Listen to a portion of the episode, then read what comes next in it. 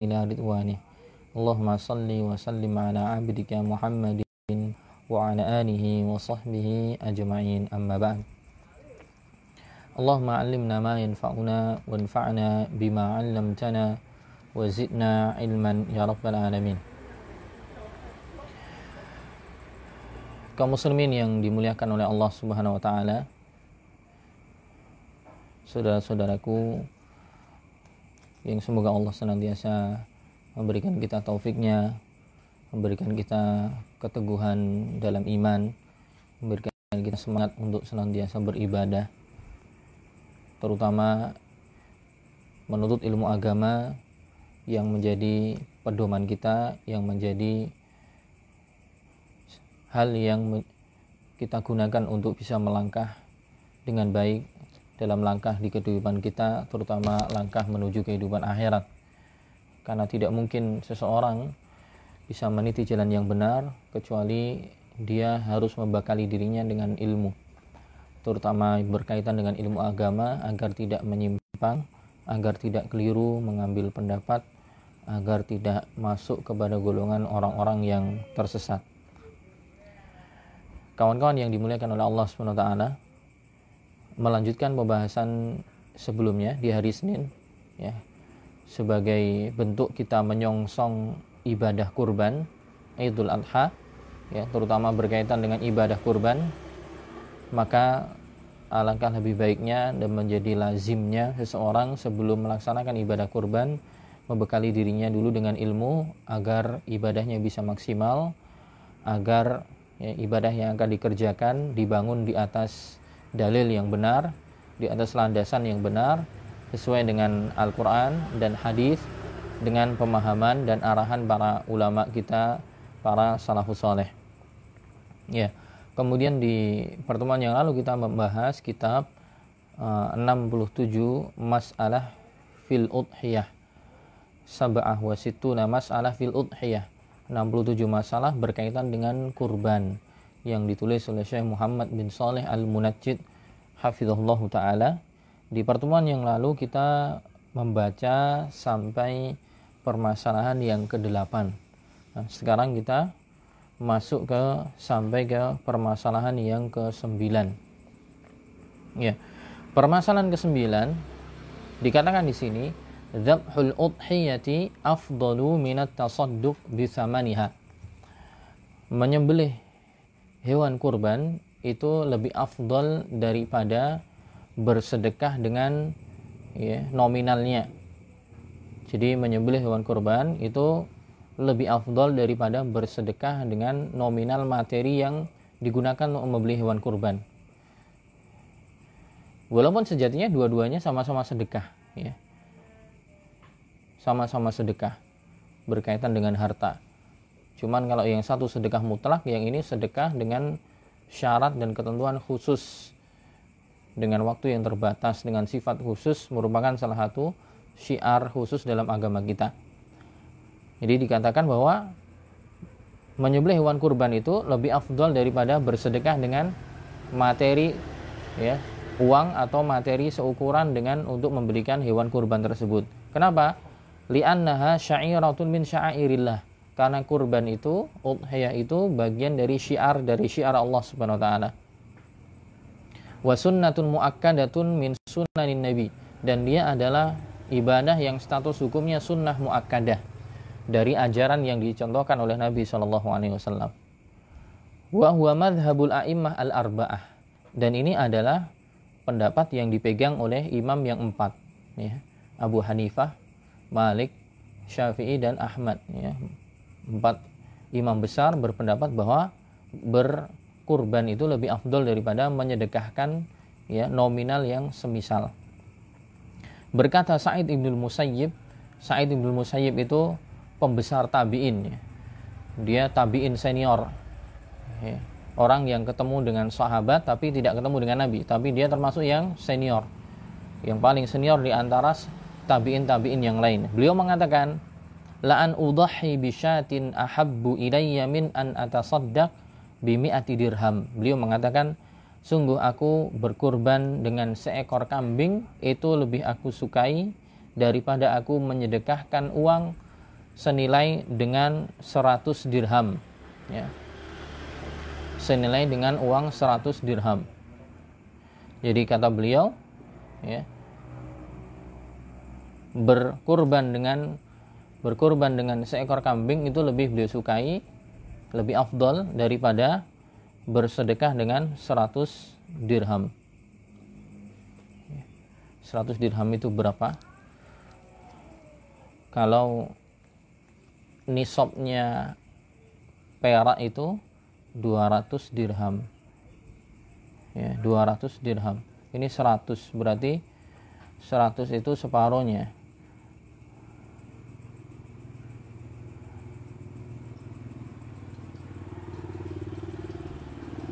dan satu dinar eh satu dirham itu 2,975 gram. Satu dinar itu 2,975 gram. Satu dinar tuh 2,975 gram. Atau tiga, hampir 3 gram lah.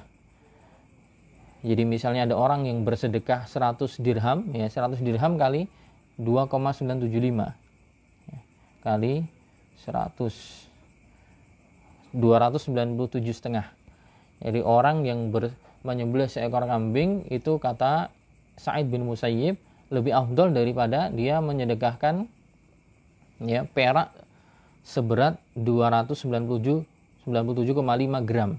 Nah, sekarang satu gram perak berapa? Berapa? 30 ribu. Nah, misalnya 30 ribu misalnya. 297 setengah kali 30 ribu. 8 juta 900 ya hampir 9 juta.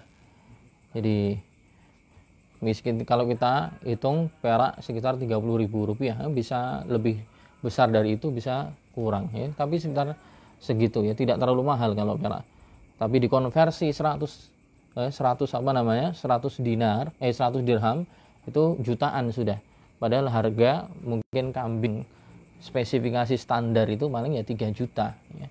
Jadi orang berkorban dengan 3 juta itu lebih afdol daripada dia bersedekah lebih dari itu dengan nilai nominal yang lebih besar ya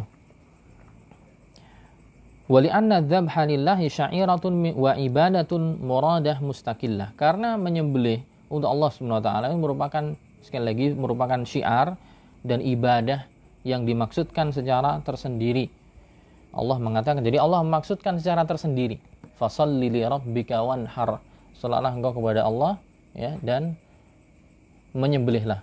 Jadi Allah menyebutkan menyembelih. Jadi Allah sebutkan secara spesifik secara langsung tegas ini menunjukkan bahwa dia punya keistimewaan tersendiri.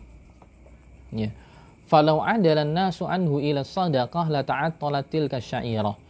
Andai saja ya banyak orang yang kemudian lebih memilih untuk bersedekah saja, maka nanti syiarnya akan hilang. Ya. Syiarnya akan hilang. Wallah alam apakah ketika dalam kondisi seperti ini corona misalnya apakah kemudian tetap ya tetap lebih afdol? Apakah tetap lebih afdol uh, kurban ataukah tidak ya? Tapi dilihat dari komentar para ulama kurban itu lebih afdol ya. Kenapa? Karena dulu di zaman Nabi juga pernah terjadi kekurangan ya. Pernah terjadi paceklik di zaman Nabi dulu pernah terjadi paceklik makanya dahulu Nabi pernah memerintahkan ketika kurban ya di tahun pertama kalau tidak keliru waktu itu Nabi SAW memerintahkan agar daging kurban yang ada di masa itu tidak boleh disimpan lebih dari tiga hari. Tidak boleh disimpan lebih dari tiga hari. Ya. Jadi ada satu tahun yang pernah didapati oleh Nabi SAW dan para sahabatnya. Uh, mereka waktu itu berkurban. Ya, ketika berkurban, dagingnya tidak boleh disimpan lebih dari tiga hari tiga hari harus habis. Maksudnya apa? Karena waktu itu apa? Amul maja'ah. Tahun orang pada kelaparan. Sama krisis. Tapi nyatanya waktu itu tetap apa tetap dianjurkan untuk kurban. Cuman kurbannya nanti segera untuk dihabiskan. Berbeda setahun setelahnya, setelah ekonomi mulai membaik, kemudian ada kurban lagi, Nabi SAW mengatakan boleh untuk menyimpan daging kurbannya lebih dari tiga hari. Ya. Jadi dinasah ya, dalam hukum usul fikih itu pembahasan usul fikih namanya dinasakh hukum yang sebelumnya disuruh untuk menghabiskan tiga hari setelahnya dinasakh kemudian dihapuskan boleh lebih dari tiga hari disimpan ilahnya apa sebabnya karena tahun sebelumnya paceklik orang-orang apa namanya uh, kurang pangan kelaparan Nah, andai saja sedekah itu lebih afdol, nih saya waktu itu disuruh sedekah aja nggak usah ada korban. Tapi nyatanya waktu itu tetap ada kurban. Walaupun hakikatnya juga kita katakan kurban itu ya sedekah juga, cuma dalam bentuk daging. Ya. Jadi ketika orang berkurban, sedekahnya tidak hilang, syiarnya juga tetap hidup. Ya. Kurbannya tetap ada, sama juga dagingnya juga disedekahkan. Jadi wallah alam bisawab seperti yang disampaikan di sini bahwa uh, berkurban itu lebih afdol daripada menyedekahkan nominal uang. Kemudian pembahasan yang ke-10 Al aslu fil udhiyah annaha masyru'ah fi haqqil ahya. Hukum asal kurban itu dia disyariatkan untuk orang yang masih hidup, ya. Untuk orang yang masih hidup. Atas nama orang yang masih hidup. Kama kana Rasulullah SAW wa ashabuhu yudhahuna an anfusihim wa ahlihim.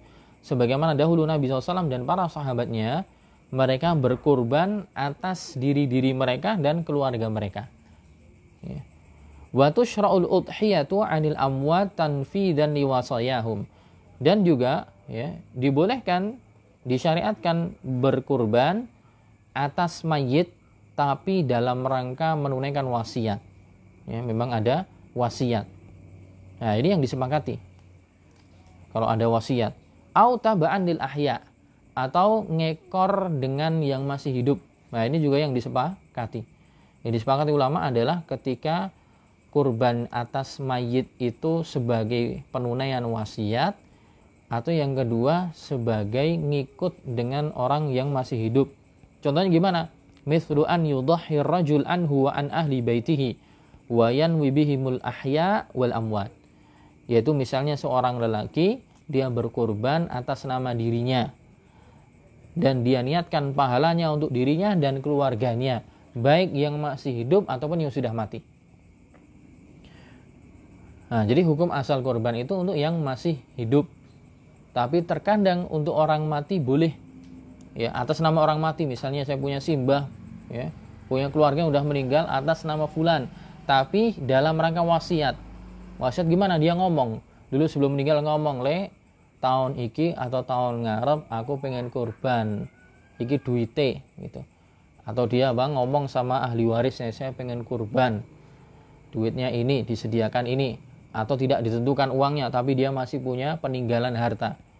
Ternyata sebelum ya, sebelum dia datang tahun di mana dia akan berkurban atau waktu ketika dia akan berkurban, dia meninggal. Dan dia sebelumnya sudah ngomong sama anak-anaknya nah, untuk ditunaikan misalnya. Atau ketika pas dia mendekati kematiannya dia ngomong kalau nanti saya mati korbankan untuk saya atas nama saya. Nah, yang seperti ini tidak ada masalah jika dalam rangka penunaian wasiat. Atau dalam rangka diikutkan ya. Ada seorang anak ya dia sudah berkeluarga punya bapak punya ibu sudah meninggal misalnya kemudian dia berkurban diniatkan korban ini korbannya atas nama dia atas nama orang yang bersangkutan tapi dia niatkan ini pahalanya meliputi keluarganya yang masih hidup ya anak istrinya ataupun yang sudah mati bapak ibunya Nah, seperti itu diperbolehkan. Yang menjadi khilaf ulama adalah berkorban atas nama mayit sedangkan si mayit tidak pernah wasiat. Ya, tidak pernah berwasiat atau juga ya tidak diikutkan dengan yang masih hidup tapi mustakil berdiri sendiri ya. Maksudnya mustakil berdiri sendiri gimana? Ya tiba-tiba si anaknya pengen berkorban oh ini atas nama bapak saya gitu. Jadi pahala korban untuk si bapak itu bukan diikutkan atas nama korban dia ndak.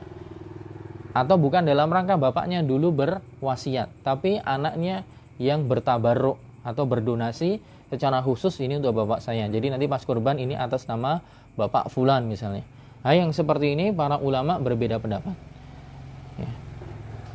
Dalam pendapat yang diambil oleh Syekh Saleh Al-Munajjid di sini dikatakan ya beliau sepertinya mengambil pendapat ulama Hanabilah. Ya beliau mengatakan al-udhiyah anil amwat tabarru'an ala sabilil istiqlal berkurban atas mayit sebagai donasi sebagai apa namanya bantuan. Ala sabilil istiqlal yaitu sendiri berdiri sendiri jaizah. Beliau mengatakan boleh.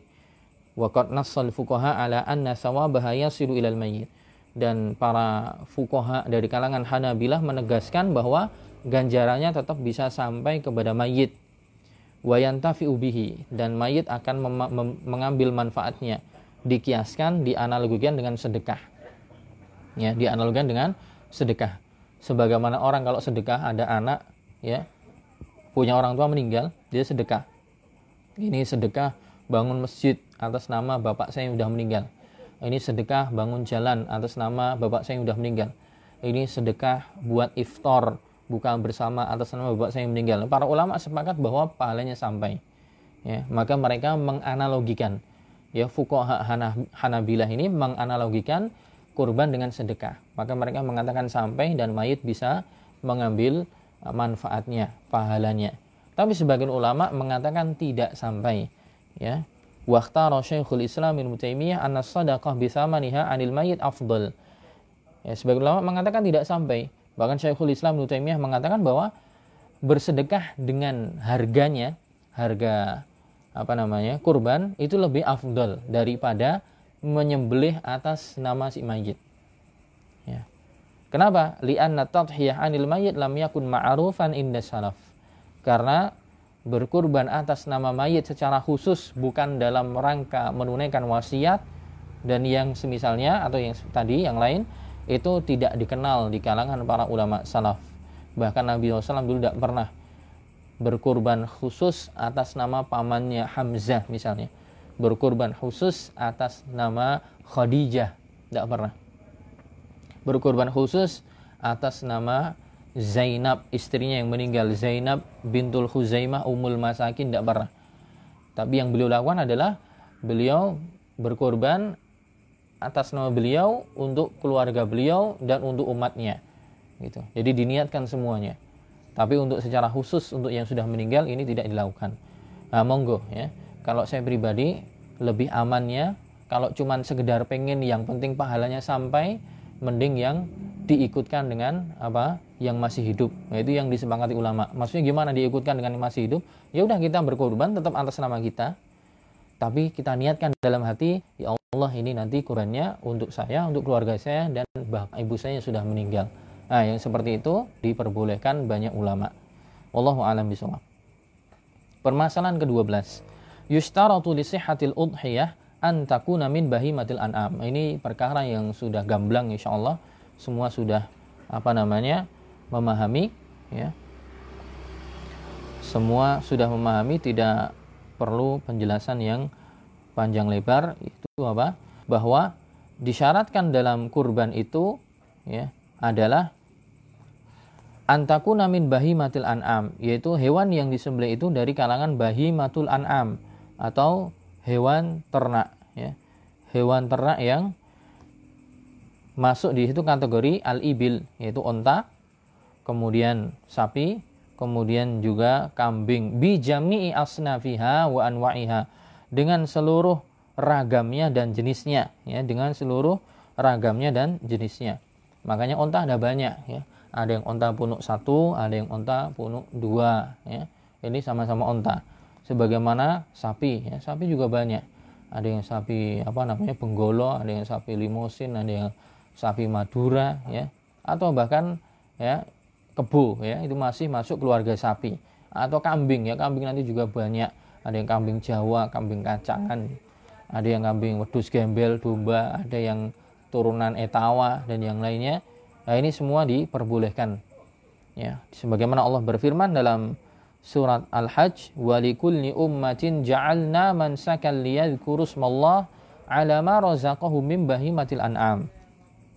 Dan pada setiap umat kami jadikan syariat penyembelihan agar mereka menyebut nama Allah atas apa yang Allah rezekikan pada mereka berupa hewan-hewan ternak. Maka Tuhanmu adalah Tuhan yang Maha Esa. Wa fa'ilahukum ilahu wahid falahu aslimu. Ya. Maka Tuhan adalah Tuhan yang Maha Esa karena itu berselah dilahkan kepadanya kepada Allah Subhanahu wa taala. Wa basyiril mukhbitin. Dan sampaikanlah kabar gembira kepada orang-orang yang tunduk lagi patuh. Ya. dan para ulama mengatakan bahimatul anam itu ya tiga jenis itu ya. Kambing kemudian sapi kemudian onta. Kemudian permasalahan ke-13 asyatul wahidatu tujzi'u an ahlil baiti al-wahid biha wahidun min ahlil bait aw dhahhatil mar'atu an zawjiha wa ahli baitiha hasanatis syairah wa dakhalu jami'an fi ajriha. Satu ekor kambing itu mencukupi untuk ahlul bait, itu keluarga, satu keluarga. Fa idza dhaha biha wahid, di keluarga itu ada salah seorang yang berkurban dari kalangan ahlul bait yaitu kalangan keluarga itu audhahatil mar'atu an zaujiha atau si istri menyembelih ya istri menyembelih. Dia menyembelih atas nama dia ya untuk suaminya pahalanya dan untuk keluarganya maka syairah ya syiarnya itu terpenuhi. Wadah kalau jami'an fi ajriha. Dan semua merasakan ganjaran pahalanya ya. Pahalanya semua merasakannya. Jadi jadi jika ada satu keluarga ya itu cukup bagi mereka salah satu saja yang berkurban gitu Ketika sudah ada berkurban, berkurban maka gugur kewajiban atas mereka. Bagi yang mengatakan korban itu wajib. Ya. Bagi yang mengatakan sunnah muakkadah juga gugur tuntunan, tuntutan. Karena sunnah muakkadah itu sebenarnya juga dituntut. Ya. Dituntut, diminta untuk mengerjakan. Cuman apa? Cuman permintaannya tidak tegas. Ya. Sama. Wajib sama sunnah itu semua dua-duanya adalah diminta. Kita diminta mengerjakan.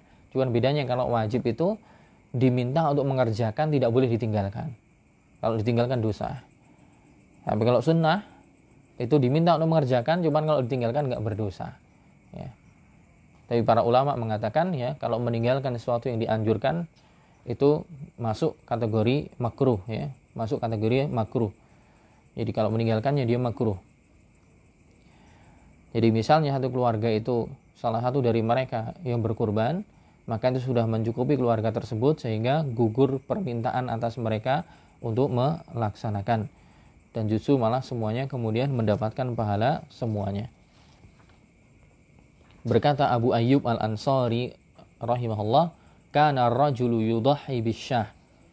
Dalam hadis riwayat Tirmidzi dikatakan, dahulu seorang lelaki berkurban dengan seekor syah, dengan seekor kambing untuk dirinya dan untuk keluarganya. Fayakuluna wa yut'imun. Dia mengkonsumsi bagian dari kurban itu dan dia juga memberi makan orang lain. Permasalahan ke-14 in lam yanwil mudahhi man yadkhulu ma'ahu fil udhiyah. Dakhala fiha tilqaiyan ahlu baitihi. Nah, misalnya ada satu keluarga salah satu dari keluarga itu ya akan berkurban ternyata belum terbesit dalam hatinya ketika kurban itu dia niatkan pahalanya untuk dia dan keluarganya. Tapi dia dalam hati masih untuk dirinya sendiri. Lupa belum meniatkan untuk keluarganya juga. Terus terlanjur disembelih. Apa kemudian keluarganya nggak dapat ganjarannya? Dapat. Ya. Dakhona fi hatil qa'iyan ahlu baitihi. Otomatis seluruh keluarganya masuk ikut menikmati ganjaran tersebut. Ya walaupun dia belum meniatkan keluarganya. Dan siapa sih yang dimaksud keluarga ini siapa? Ini kita perlu tahu. Lingkupnya sampai mana? Lingkupnya sampai mana? Dikatakan di sini keluarga itu maksudnya adalah kullu man yashmaluhu hadzal urfan aw lughatan. Keluarga di sini maksudnya adalah ya setiap yang tercakup oleh lafadz ini secara tinjauan ite, apa bahasa ya, etimologi secara pengertian bahasa maupun secara urf kebiasaan. Siapa mereka? Dalam sisi urf adalah man ya'uluhum yaitu orang-orang yang menjadi tanggungan seseorang seperti istri, ya, anaknya dan kerabat-kerabatnya. Istri, anaknya dan kerabat-kerabatnya. Jika misalnya ada seorang lelaki yang berkorban, ya, tapi kerabat-kerabatnya nanti perlu dirinci lagi ya, nanti akan ada penjelasan di pembahasan selanjutnya. Karena nggak semua kerabat nanti bisa dapat ya seperti nanti kerabat yang sudah apa namanya sudah mandiri sudah punya rumah sendiri sudah apa namanya dia sudah punya keluarga sendiri maka tidak masuk Nah, yang masuk yang dimaksud keluarga di sini ahlul bait ya paling minimal adalah ya istri dan anak-anaknya gitu. Atau orang yang menjadi tanggungan nafkahnya.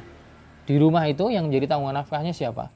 Misalnya seorang suami punya istri, punya anak, plus juga orang tuanya si laki-laki juga di situ ditanggung, ditanggung oleh si laki-laki tadi sebagai anaknya, maka dia juga dapat se semua. Nah, kemudian ada permasalahan selanjutnya nomor 15.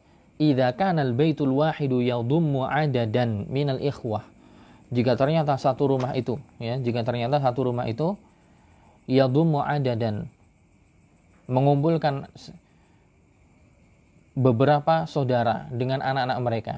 Sejumlah saudara-saudara dengan anak-anak mereka. Jadi ini mungkin uh, satu keluarga besar gitu. Punya rumah besar, ibu bapak, ibu bapak punya anak banyak, nah, anak-anaknya juga kemudian sudah berkeluarga juga, tapi masih tinggal satu atap, ya, masih tinggal satu atap. Nah, gimana ini? Wahum mustarikuna fi ta'amihim wa aklihim. Dan mereka masih berserikat, ya.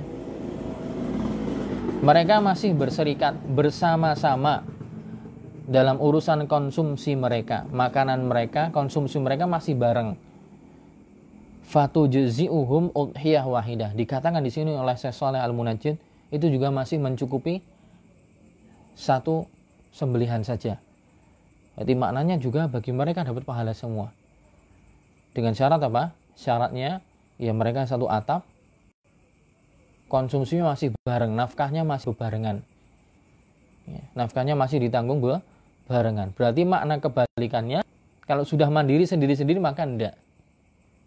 Ya. Misalnya satu rumah ada tiga keluarga misalnya atau empat, tapi masih satu atap, tapi ternyata setiap keluarga itu sudah sendiri-sendiri. Ya, pengolahan dapurnya sudah sendiri-sendiri. Berarti masing-masing keluarga sudah punya sumber nafkah sendiri. Nah, yang seperti ini berarti tidak mencukupi sembelihan satu. Berarti harus masing-masing keluarga tadi mengeluarkan sendiri. Tapi ketika masih bareng-bareng ya mereka makannya bareng entah modelnya adalah modelnya adalah setiap bulan mereka dikeluarkan berapa persen berapa persen makan bareng mereka masih konsumsinya bersama-sama makan dari dapur yang sama. Nah, kata beliau saya al munajid selagi mereka berserikat dengan apa konsumsi makanan yang masih bersamaan itu masih cukup bagi mereka satu sembelihan saja itu juga dimaknai bahwa pahalanya juga dinikmati mereka. Amma idza kana likulli wahidin minhum baitun mustaqillun.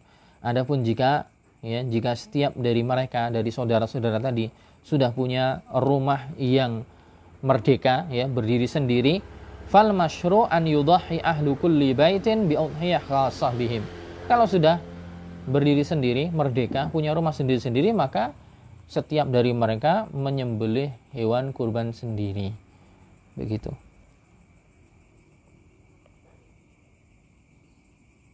Ya. Permasalahan ke-16. Man kana lahu aksar min zaujah fa udhiyatu wahidatin takfi 'anil jami'. Nah, ini tentunya ini kondisi yang jarang ya. Ini bagi orang yang punya pasangan lebih dari satu. Maksudnya adalah bagi seorang lelaki yang berpoligami, maka sembelihan dia, si laki-laki ini, si suami, itu cukup untuk dia dan istri-istrinya jadi nggak usah setiap satu istri nyembelih sendiri terus istri itu nyembelih sendiri enggak dia nyembelih satu sudah mencukupi juga untuk yang lain kama ajza'at udhiyatun nabi sallallahu alaihi wasallam an zaujatihi jami'an. Sebagaimana dahulu Nabi SAW menyembelih kurban itu cukup untuk beliau dan juga untuk pasangan-pasangan beliau yaitu maksud istri-istri beliau semuanya. Walakinnahu la yakhtassu ihda zawjat bi syai'in minha dunal ukhrayat tetapi ya dengan tidak mengkhususkan salah seorang istri dengan sesuatu hal tertentu dibandingkan yang istri-istri yang lain bal ya'dilu bainahunna tapi apa dia berbuat adil di antara mereka intinya dia niatkan secara adil maka mencukupi sembelihan satu untuk dia dan juga pasangannya yang sah itu istri-istrinya. Kemudian permasalahan ke 17. Al-badanatu tujzi'u anis sab'ah. Ini masalah uh, berapa jumlah maksimal urunan ya. Untuk unta itu cukup untuk tujuh orang alias maksimal tujuh orang urunan onta ya. walaupun sebagian ulama berpendapat ada asar ya ada asar di dalam buku-buku fikih yang lain disebutkan kalau onta bisa sampai 10 orang gitu bisa sampai 10 orang tapi menurut hadis riwayat muslim ini dan disimpulkan oleh sesoleh munajid di sini penulis mengatakan uh, onta cukup untuk tujuh orang. Wal baqaratu tujzi'u an sab'ah sebagaimana sapi juga untuk tujuh orang. Berdasarkan perkataan Jabir bin Abdullah bahwa Jabir bin Abdullah mengatakan naharna ma'a Rasulillah sallallahu alaihi wasallam amal Hudaybiyah. Kami dahulu menyembelih bersama Nabi SAW di tahun Hudaybiyah yaitu tahun ke-6. Ya tahun ke-6 Hijriah ketika beliau wasallam bersama sahabatnya akan umrah tapi kemudian dihalangi di Hudaybiyah. Akhirnya kemudian ya mereka menyembelih ya menyembelih badanah yaitu onta untuk tujuh orang. Wal baqarah sapi untuk tujuh orang. Onta untuk tujuh orang sapi untuk tujuh orang ya itu namanya kalau nggak salah namanya hadul ihsar ya ihsar itu orang yang haji atau umrah tapi akhirnya tidak bisa melanjutkan tidak bisa melanjutkan karena ada halangan, entah halangan dari musuh, ya, entah halangan dari musuh atau halangan dari ya penyakit misalnya. Akhirnya nggak bisa melanjutkan, maka dia menyembelih, ya, menyembelih. Menyembelihnya apa? Sapi bisa untuk tujuh orang, unta bisa untuk tujuh orang. Dan ini kemudian diambil kesimpulan juga dalam masalah kurban. Kemudian permasalahan ke-18 ya juzul ishtirak fil baqarah awil mushtarikin la yuridul udhiyah. Nah, pertanyaannya, misalnya tadi ya uh, onta sapi untuk tujuh orang, apakah tujuh orang yang nyembelih sapi tadi atau sahibul kurban tadi harus semuanya meniatkan ya harus semuanya meniatkan sebagai hewan kurban ataukah boleh dengan niat yang lain misalnya tujuh orang yang empat orang niat sebagai kurban tapi yang tiga orang niatnya beda-beda ya. yang tiga orang yang satu plus niatnya sebagai akikoh yang satu niatnya cuman apa namanya niatnya untuk dijual dagingnya yang satu niatnya untuk jualan bakso misalnya. Nah, boleh enggak? Dikatakan di sini boleh ya. Ya juz ya juz ishtira fil baqarah awil ba'ir. Boleh berserikat dalam pembelian sapi ataupun onta walau kana ba'dul mushtarikin la yuridul udhiyah. Walaupun sebagian peserta sahibul kurbannya tadi ternyata sebagian tidak mengendaki sebagai kurban. Bayuri daron. Misalnya salah seorang di antaranya meniatkan saham sepertujuhnya ini nazar saya. Ya, bukan kurban. Kemudian sepertujuh yang lain yuridulahman cuman pengen daging aja karena saya punya tamu banyak. Bentar lagi akan datang. Au sadaqah au ghairu atau niat yang lain. Kullu wahidin biniyatihi. Setiap dari apa namanya peserta tadi punya niat sendiri-sendiri. Nah, ini diperbolehkan tetap sah dikatakan di sini tetap sah.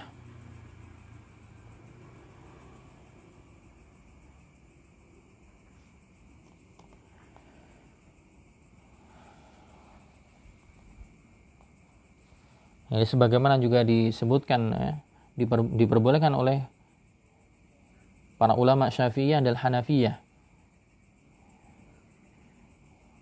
dalam apa namanya uh, website Islam Web soal Islam Web Syabakah Al Islamiyah dikatakan bahwa boleh misalnya ada seekor sapi ya sebagian niatnya kurban misalnya wajuz min hal udhiyah wal akhir akikoh sebagian yang lain untuk akikoh jadi akikah boleh.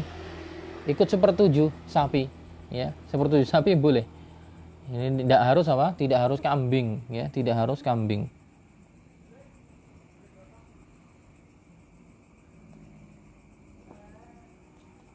Al akikoh bil bakor wal badanah. Ya, akikoh dengan sapi atau dengan onta jumhur muttafiquna ala anna al-ghanam wal bakar wal ibil mujzi'ah fil akikoh jumhur ulama bersepakat bahwa kambing sapi ataupun onta itu mencukupi untuk digunakan sebagai akikoh ya. gitu, jadi diperbolehkan Kemudian permasalahan ke-19, ya juzu an yashtarika aqal min sab'ah fi baqarah au au ba'ir li'annahu idza jaza ishtiraku sab'ah fiha yajuzu min babil aula an yashtarika fiha aqal min sab'ah wa yakununa mutatawwi'ina biziyadah. Dibolehkan untuk berserikat dalam pembelian onta atau pembelian sapi ya, kurban onta sapi kurang dari tujuh orang. Jadi tujuh orang itu adalah batas maksimal. Jangan dipahami bahwa tujuh orang itu adalah jumlah yang harus dipenuhi. Enggak. Enam orang boleh, lima orang boleh, empat orang boleh. Semakin kecil jumlahnya semakin afdol. Ya, bahkan kalau bisa satu orang, satu ekor sapi lebih afdol. Tapi misalnya berat, nah, misalnya berat syariat memberikan kelonggaran yaitu bisa sampai tujuh orang. Jadi kalau tujuh orang sebagai apa namanya uh, keringanan agar enteng kurbannya maka yang jumlahnya lebih kecil dari itu enam orang lima orang lebih boleh lagi ya. Jika pelakunya mampu. Jika pelakunya mampu. Nah, sebagian nah ini bisa menjadi solusi ya di sebagian karena sebagian pengurus ya takmir yang menjadi wakil, kadang yang menjadi wakil dari sahibul kurban, mereka memahami tujuh itu harus tujuh gitu. Sehingga kadang kasihan sebagian orang yang ingin ikut beli sapi ternyata kehabisan kelompok. Nah, udah terkumpul tiga kelompok misalnya. Tiga kelompok sudah terkumpul. Satu kelompok tujuh orang berarti sudah 21 orang. Nah, ternyata masih ada tiga orang masih ada tiga orang masih ada tiga orang yang pengen membeli sapi, ikut sapi, ikut urunan sapi. Tapi karena nggak ada orang yang lain yang ikut. Nah ini boleh tiga kelompok tadi yang sudah terbentuk masing-masing tujuh orang, ambillah satu orang satu orang agar bisa satu kelompok lagi. Jadi akhirnya di empat kelompok, ya empat kelompok jadinya. Kelompok satu jadinya tidak tujuh orang, jadi enam orang, enam orang, enam orang, ini juga enam orang ya justru malah nanti ketemu sapi empat. Walaupun mungkin nanti sapinya lebih kecil mungkin kalau kalau urunannya misalnya setiap orang ya 3 juta. Setiap orang 3 juta kalau orang 7 harusnya ketemu 21 juta. Tapi karena anggotanya dikurangi jadi enam orang. Ya enam orang kali 3 juta jadi 18 juta. Nah, masih bisa mencari sapi harga ya harga 17 harga 16 masih bisa. Walaupun mungkin lebih kecil tapi apa? Ini bisa jadi pahalanya lebih besar karena memasukkan kebahagiaan kepada saudaranya yang lain. Karena biasanya ada orang-orang yang model kagolan juga. Karena dia pengen kurban sapi, ternyata teman ya teman untuk urunan, teman untuk patungannya sudah nggak ada, cuma tinggal tiga orang, sedangkan kelompok yang sudah terbentuk nggak mau mereka berpindah, akhirnya yang tiga orang niatnya dalam hati pengennya pokoknya korban sapi. Karena nggak ada kelompoknya hanya kemudian dia terima ra korban wae. Nah ini butuh kelapangan dada ya. Yang lain lebih afdal dengan hikmahnya wes lah aku tak pindah neng kono. Diritoi yang lain juga grupnya yang sudah full tujuh orang oh ya udahlah sana mas pindah sana. Biar mereka bisa ada kawan untuk untuk patungan. Sehingga jadinya enam orang misalnya lebih ringan. Nah, yang seperti ini pentingnya belajar sehingga kita bisa tahu. Oke, mungkin itu dulu sampai permasalahan ke-19. Insya Allah kita lanjut di hari Jumat pada permasalahan ke-20. Ya, misalnya nanti ada pertanyaan boleh lewat ya japri secara langsung kepada adminnya atau lewat komen di Facebook. Insya Allah nanti kita carikan jawabannya. Wallahu a'lam bishawab. Assalamualaikum warahmatullahi wabarakatuh.